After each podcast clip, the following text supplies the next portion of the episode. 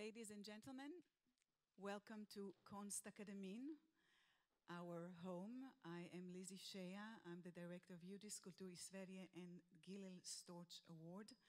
And on the occasion of the Gillel Storch Award, uh, which will be held tomorrow, we are extremely happy to be able to present for you the recipient of the 2019 Gillel Storch Award, Justice Ruth Bader Ginsburg. Uh, needless to say that for us it's a fantastic occasion, an opportunity, a privilege, and an honor.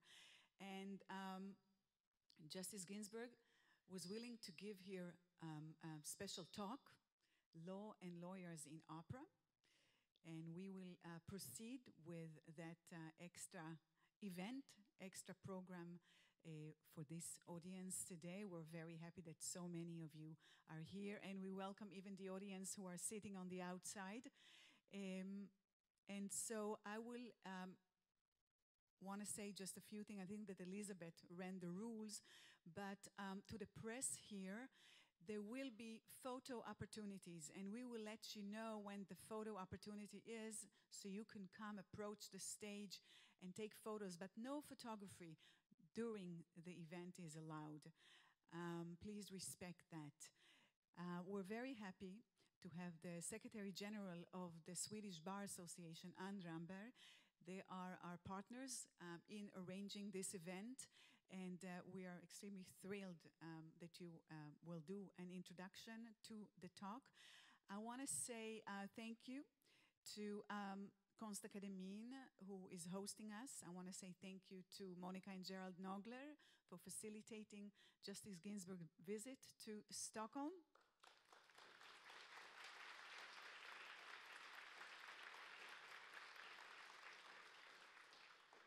to Family Storch, uh, the Gillel Storch Committee, who've been working hard on that.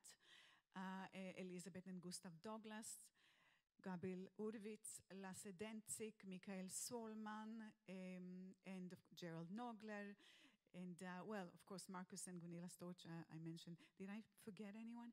Yeah. So uh, really uh, great work with that. Um, and so I wish you all a meaningful afternoon with um, Justice Ginsburg, but first, Ann Ramberg, please.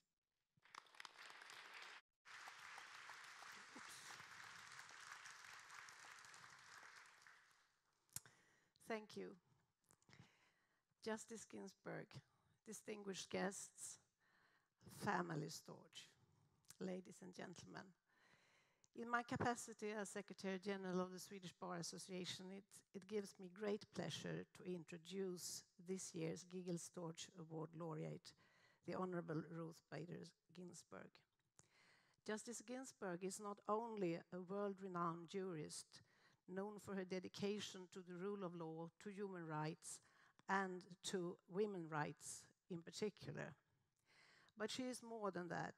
I would describe her as one of the leading and learned jurist proponents for a liberal society. She is a real intellectual, a true intellectual with an open and humanistic mind.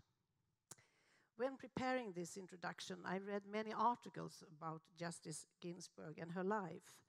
It is a moving and a very impressive um, story indeed. It is about a talented Jewish girl studying hard with very good results, but despite her extraordinary academic successes, she suffered from the fact that she did not belong to the male gender. She was, in fact, discriminated against when applying for jobs as well as when she was negotiating her salary. She was a Jew, she was a woman, and she was a mother. That said, RBG, as she is called, was appointed by President Clinton in 1993 to become the second woman to sit on the US Supreme Court after Sandra Day O'Connor. She's still, after 230 years, one of the four women in the history of the court. Today, Justice Ginsburg will speak on the subject law and lawyers in opera this is an exciting area. Law represents rules and sanctions. Opera, by contrast, represents imagination and passion.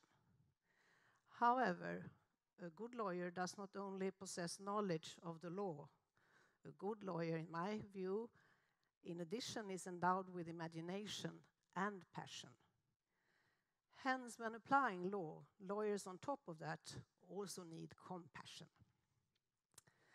And opera convey all these feelings. Law and opera have, in fact, a lot in common.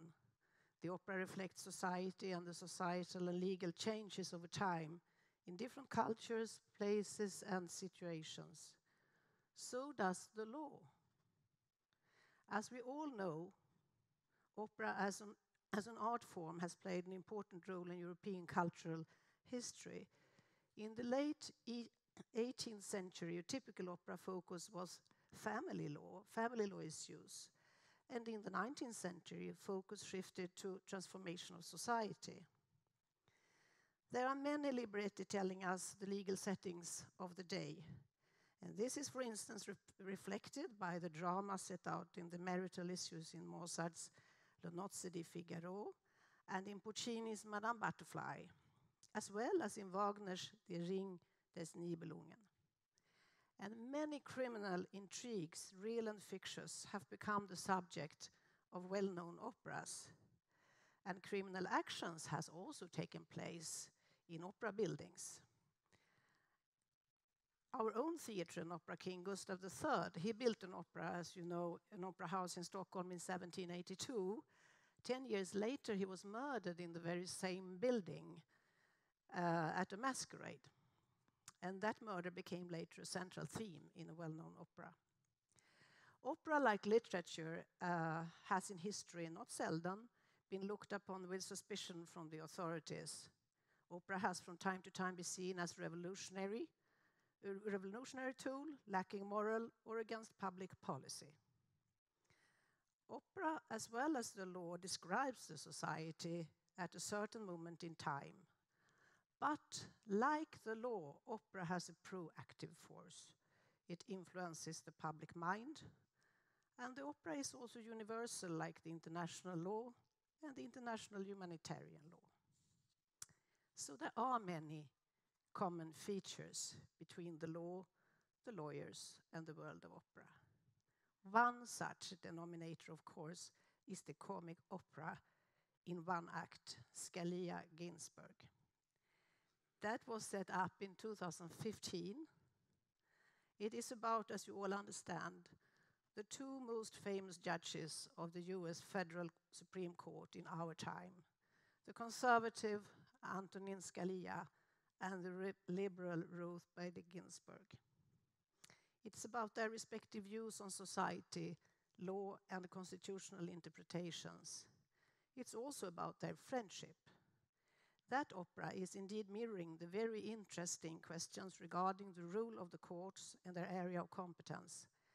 And this is not only a debate within the US Supreme Court, it is also a topic debated all over the Western world, uh, as the courts in many places has been given extended powers of decision making.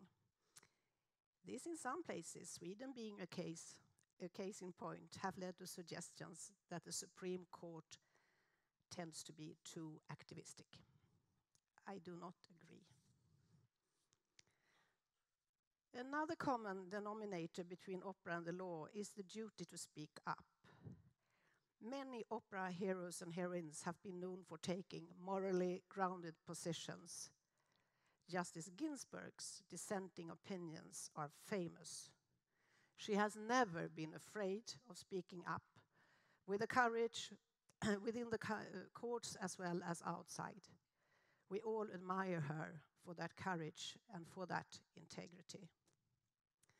A very brief introduction to Justice Ginsburg's career is this. Before becoming a Supreme Court justice, Ruth Bader Ginsburg was appointed judge of the Court of Appeals for the District of Columbia Circuit. She studied at Harvard University, took her BA at Cornell University, and her JD at Columbia. She became the first female professor ever, at, uh, first at Rutgers Law School and uh, later at Columbia Law School. During her early academic career, she learned Swedish and did research at the University of Lund. This resulted in a book of 500 pages written together with the late Swedish judge Anders Bruzelius on the Code of Judicial Procedure in Sweden. The book was reviewed by Professor Per-Olof Bolding in Svensk Juristtidning 1966. Not many authors, before or after, have received such positive reviews.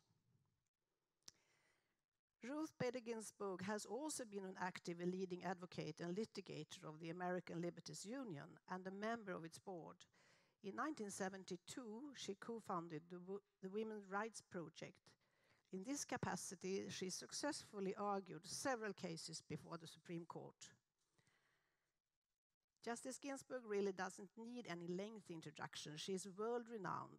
Not only has an opera been set up in her, uh, in her honor, Several films have been made about her life, books have been written about her career, songs have been made referring to her dissenting opinions, and she has inspired artists and, uh, and appears on everything from coffee cups to t shirts. She is very adequately often referred to as a pop culture icon. And she has personally appeared in several operas in non-speaking supernumerary ro roles, such as the Fledermaus and Ariadne of Naxos, once, I believe, with Justice Scalia. Justice Ginsburg has also written books, and her first book, My Own Words from 2016, appeared immediately on the New York Times bestseller list. She has been given numerous recognitions, and she has been honored around 30 honorary doctorates at Princeton, at Harvard, and 50 years ago at Lund University, just to mention three of them. Tomorrow, she will be awarded the Gillel Storch Award for outstanding contributions to human rights and equal value of all human beings. Dear Justice Ginsburg, you are not only an ex excellent exponent for the law, the lawyers, and the opera, you are a real lady and a role model for millions of people, young women in particular. particular. It is indeed uh, an honor to welcoming you on stage, and please join me in an applause for Justice Ginsburg.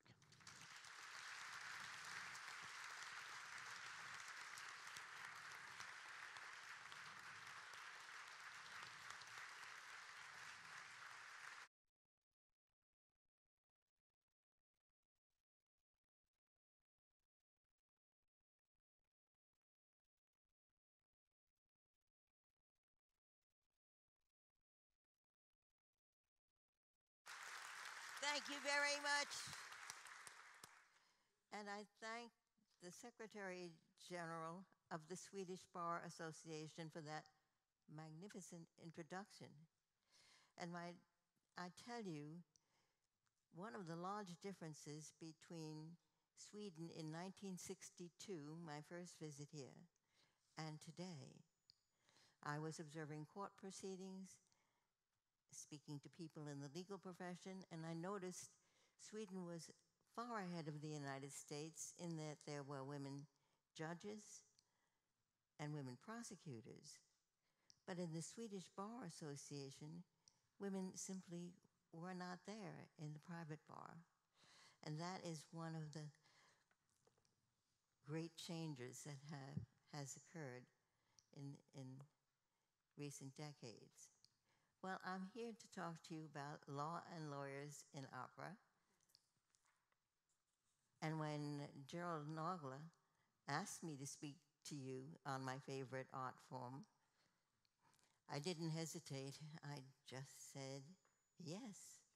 Or, as the Marschallin and Rosenkavalier sings, yeah, yeah. Truth be told, my competence to address this topic is questionable, for I cannot illustrate my remarks by breaking out in song. My grade school teachers ranked me a sparrow, not a robin. The instruction given to me just mouth the words, don't sing out. Still, in my dreams, I can be a great diva. I can be Renata Tebaldi, sometimes Elisabeth Söderström, or Marilyn Horne. My performance career begins and ends with the Washington National Opera, where I three times appeared as a super. I debuted in 1994 along with Justice Scalia in a production of Richard Strauss's Ariadne of Naxos. Scalia and I were supers again in that same opera in 2009. And in between, in 2003, I was in, on stage in Johann Strauss's Die Fledermaus, or as it was billed at the Royal Opera in Stockholm, Läderlappen. At Prince Orlovsky's ball in the lush second act of Fledermaus, three black robed justices enter on stage as specially announced guests, billed as the Supremes. Flanked on one side by Justice Kennedy and on the other by Justice Breyer, I had the extraordinary opportunity to hear the voice of the guest singer at the ball, Placido Domingo, at very close range. In November 2016, I had the special pleasure of having a speaking role in an opera. There are not too many of those opening night of Daughter of the Regiment, I portrayed the haughty Duchess of Krakentorp. And I even wrote the lines she spoke. To my great appreciation, Jewish culture in Sweden has engaged fine soprano Elin Rombo and pianist Stefan Scheja to present musical illustrations that will soon accompany my talk. But lawyers and judges in opera, to be candid, fare rather badly in operatic works. Think of Dr. Blind, the lawyer in Fledermaus. His ineffective assistance gets for his client, Eisenstein, a few extra days in jail or the lawyer in Gershwin's Porgy and Bess, who offers Bess a divorce for a dollar, then ups the price to a dollar fifty when Bess tells him she was never really married before. In a delightful 21st century opera, Volpone, music by John Musto, lyrics by Mark Campbell, there is a major role for a lawyer. His name is revealing. He is Voltore, the vulture. The libretto describes Voltore as a baritone, 60th in age, thin and bony, oily hair, scraggly gray beard, posture permanently stooped like a hovering scavenger. Near the end of the opera, Voltore is carted off to jail condemned as a dissembler and thief. He protests loudly, innocent, a man of the law, innocent. It is an audacity to question my veracity. Numerous notaries turn up in 18th and 19th century operas. They most often oversee the signing of marriage, marriage contracts, as in Rose, Rossini's Barber of Seville, but they have few notes to sing. The law does have a conspicuous role in numerous opera plots. A leading example is Wagner's Ring Cycle. Four operas, all save Rheingold, running on rather long. The The relationship between the ring cycle and the law was brought home to me years ago when a law clerk applicant submitted as his writing sample an essay titled The Importance of Contract as Played Out in the Ring Cycle. Now, if I can find this missing page. The story that's unfolded in the cycle begins off stage with a contract negotiated by crafty lawyer like Loge with the giants Fafnir and Fasolt to build Valhalla, a majestic home for the gods. The giants carry out their part of the bargain, and they first appear on stage to claim the gold chief of the gods, Wotan, promised them. But Wotan reneges on his promise, and then the Sturm und Drang begins. What better illustration, the clerkship applicant wrote, of the well known legal maxim, pacta sunt servanda, in plain English, agreements must be kept. I hired the essay writer as my law clerk on the spot. There is a hilarious breach of contract scene in Mozart's Marriage of Figaro. The ever resourceful valet, Figaro, escapes the promise of marriage he made to an elderly dame, Marcellina, to secure a loan he received from her. Marcellina is insistent on being paid, but Figaro's death is miraculously forgiven when, to the huge surprise of everyone, Marcellina turns out to be Sua Madre, his mother. And in the elixir of love, Nemorino signs a contract enlisting in the army in order to receive 20 scudi, the amount needed to purchase Dr. Dulcamara's marvelous elixir. On church state conflicts, what scene more powerful than the Grand Inquisitor's confrontation of Spain's King Philip in Verdi's Don Carlo? It was once customary law, or so some people believe, that the master had the right to the first night with a servant or peasant bride married on his estate. In Mozart's Marriage of Figaro, before the opera begins, the Count renounces that custom upon his marriage to the Countess.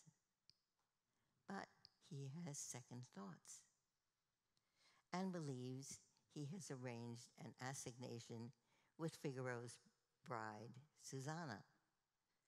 The last act of the marriage takes place in a garden at night. The Count enters, hoping to find Susanna waiting for him. Figaro suspects Susanna's fidelity, and he hides in the bushes when the Countess, disguised as Susanna, and the real Susanna, disguised as the Countess, appear on stage. Knowing that Figaro is listening, but from his hiding place, cannot see her disguise, Susanna sings an exquisite aria in which she longs for the arrival of her lover, not saying who he is. Elin Rombo together with Stefan Scheja, will now present that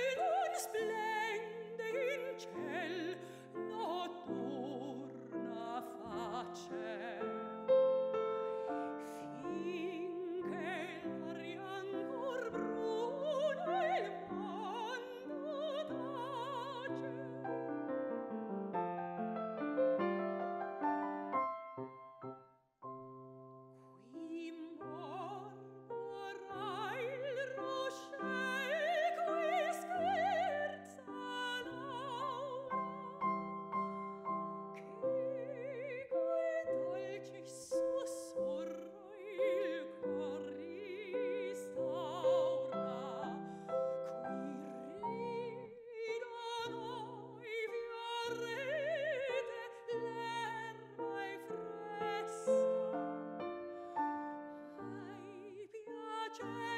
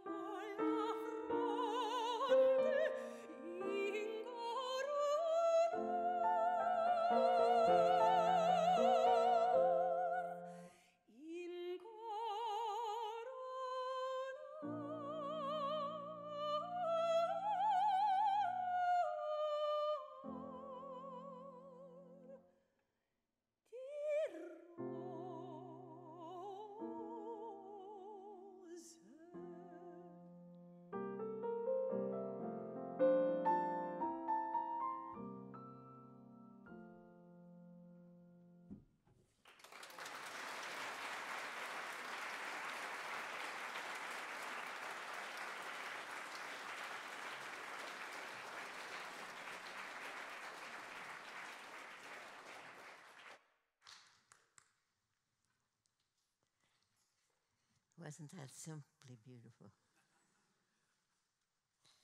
Well, in the marriage of Figaro, all's well that ends well. The disguises are revealed. Kneeling to the countess, the count begs her forgiveness, and the right of the first night is abolished for good. The entire first act of Janet Janacek's The Makropulos case, I think, Elin, you performed in that opera.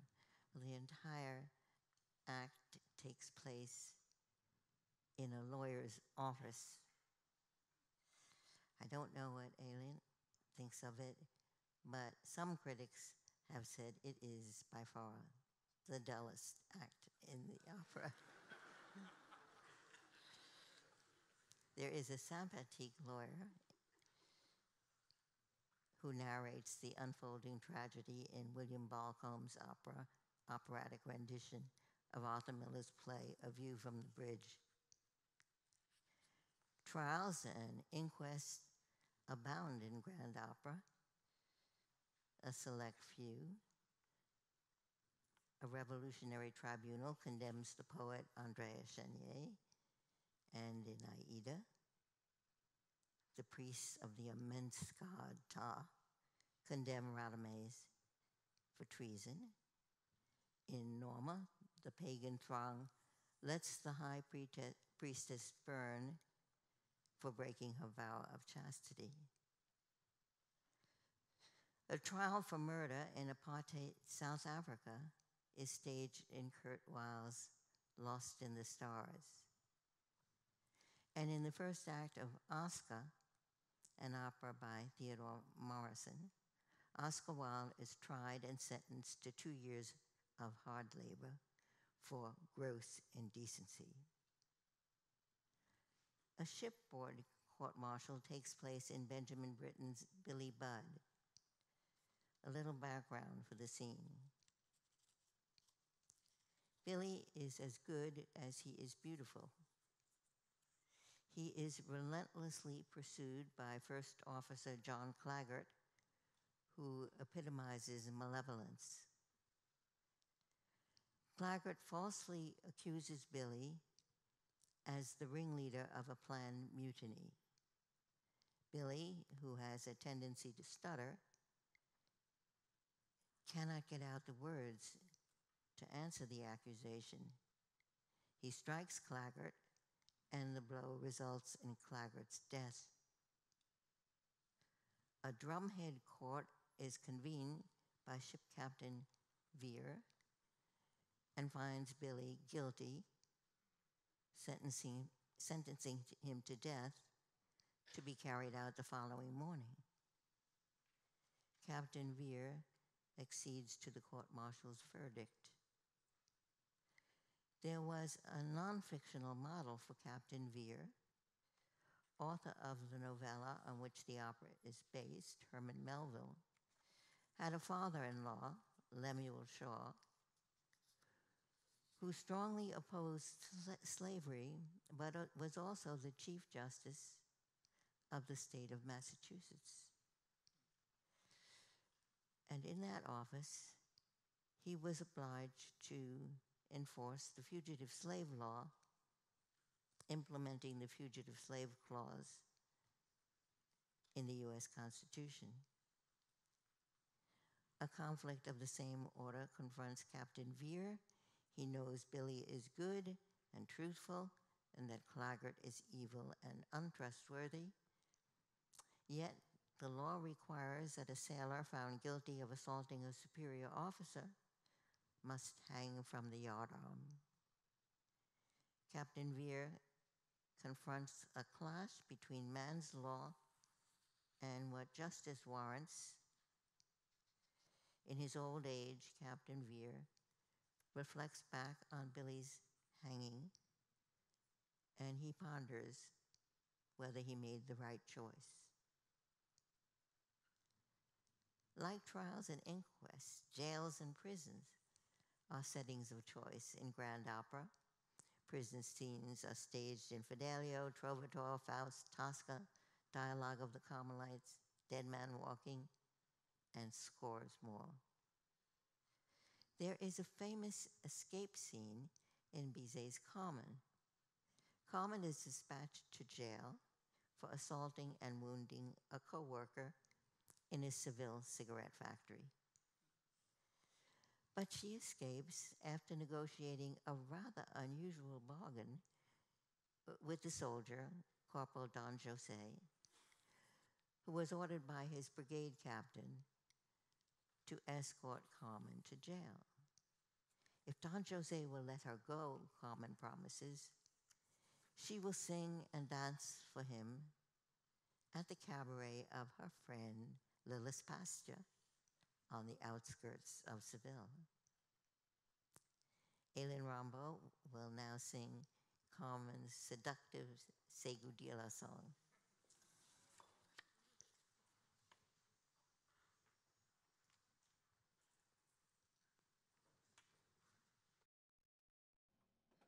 Crederò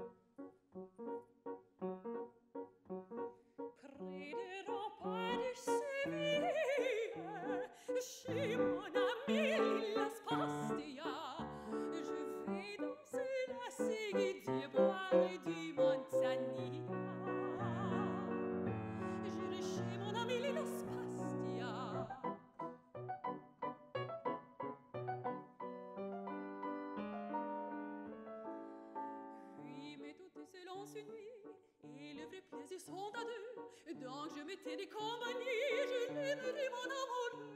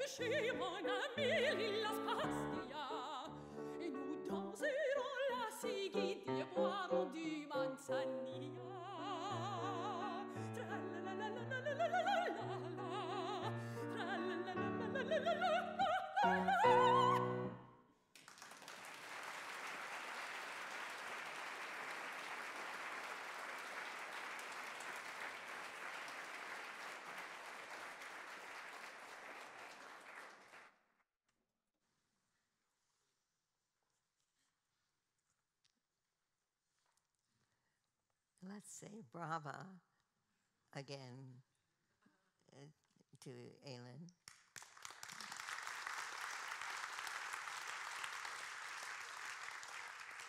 Didn't she demonstrate convincingly how Carmen gains her liberty? In light opera, Gilbert and Sullivan's satirical take on the legal profession, on judges and lawyers, has amused legions of audiences since Gilbert and Sullivan's first collaboration in 1875 in Trial by Jury. The plot of that one act opera, operetta, revolves around a suit for breach of promise of marriage. The presiding judge first tells us how he achieved his high office. He did so by marrying a rich attorney's elderly, ugly daughter. My first Chief Justice, who has a Swedish connection, Chief Justice Rehnquist, was a great Gilbert and Sullivan fan. He quoted from both Trial by Jury and Iolanthe in opinions he wrote for the court. And he copied his new robe, a robe adorned with four thin gold stripes on each sleeve. He copied it from the costume worn by the Lord Chancellor in a low budget production of Iolanthe, uh, presented one summer in the District of Columbia. Another Gilbert and Sullivan favorite, Pirates of Penzance, contains an illustration of the distinction between textualist and purposive construction of the law. The operetta's hero, Frederick, when he was a little lad, was on his father's instruction to be apprenticed to a pilot. Frederick's nursemaid, Ruth, being a little hard of hearing, apprenticed Frederick to a pirate instead of to a pilot. The terms of the apprenticeship Frederick was to serve the pirates until he reached his 21st birthday. When Frederick had lived 21 years, he is released from the pirate band and immediately undertakes to annihilate his former comrades. But the pirate king and hard of hearing nursemaid Ruth, who has become the piratical maid of all works, pay a visit to Frederick when he thinks his piracy days are over.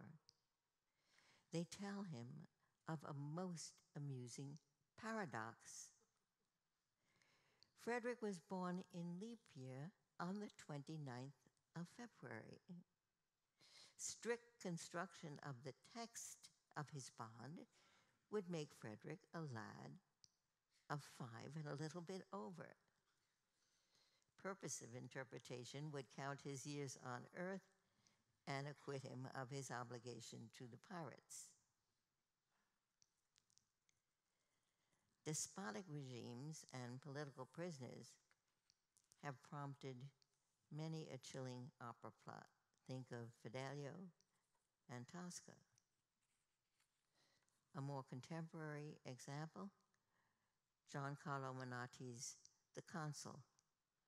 The Consul was first presented in New York in 1950. A February 1947 newspaper article sparked the story the opera tells. The article reported the suicide of a Polish man who was denied an entry visa to the USA. Mindful of the fate of Jewish friends in Austria and Germany in the 1930s and 1940s, Mon- Menotti described in The Consul a repressive regime and also bureaucratic inertia. Magda Sorel's husband, John, a freedom fighter like Florestan and Fidelio and Angelotti in Tosca, has fled to another country. Magda seeks a visa to that country, hoping to follow John with their newborn child. But the consul's secretary tells Magda she must first fill out all the forms. Magda tries again and again, but there is always another paper to file. In desperation, Magda shakes up the secretary and all in the waiting room with the aria papers, which Elin and Stefan will now present for us.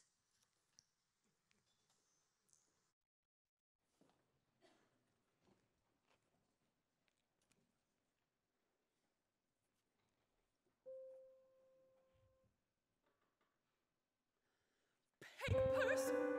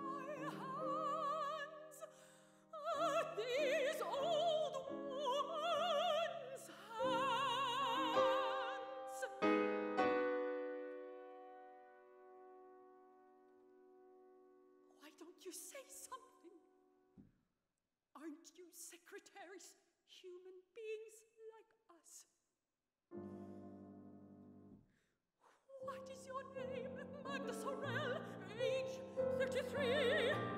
What will your papers do?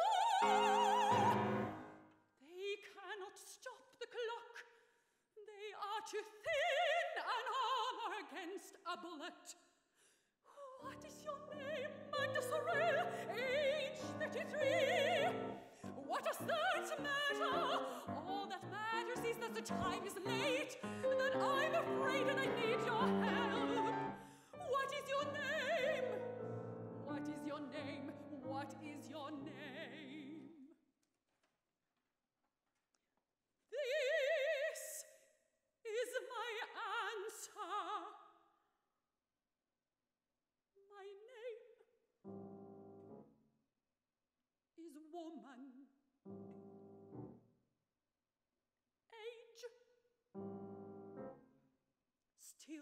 Young. Color of hair gray. Color of eyes the color of tears. Occupation waiting.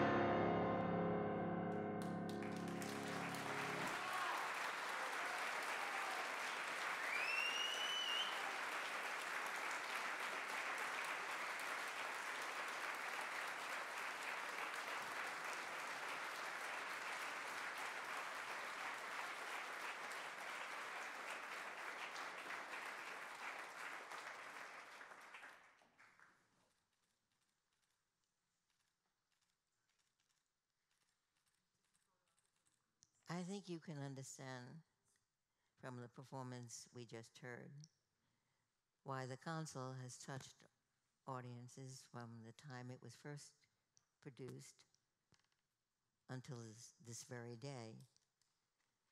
Next season at the Washington National Opera, a new, new production of the Consul will be staged. Now, may I end on a high note and tell you of an opera that the Secretary General has already mentioned, an opera that has, has had its third full staging just last week in Wilmington, Delaware. It was paired with Trial by Jury. The multi talented composer Derrick Wang, who also holds a law degree, wrote both the music and the words for the comic opera Scalia Ginsburg. Many of the lyrics come from our opinions and speeches. A small sample. This one is from Justice Scalia's very Handelian rage aria. the justices are blind. How can they possibly spout this? The U.S. Constitution says absolutely nothing about this. And then in my answering aria, I sing in my best lyric soprano voice. Dear Mr. Justice Scalia, you are searching in vain for bright line solutions to problems that aren't so easy to solve. But the beautiful thing about our Constitution is that, like our society, it can evolve. The theme of the opera is two people, notably different in their views on constitutional interpretation, but nonetheless people who respect and genuinely like each other. Collegiality of that sort is what makes it possible for the United States Supreme Court to do the challenging work assigned to it by the U.S. Constitution and Congress without the fierce partisanship that sometimes, and notably now, mars the operation of the political branches of government. I thank you for being such a patient audience, and I look forward to meeting at least some of you at the reception.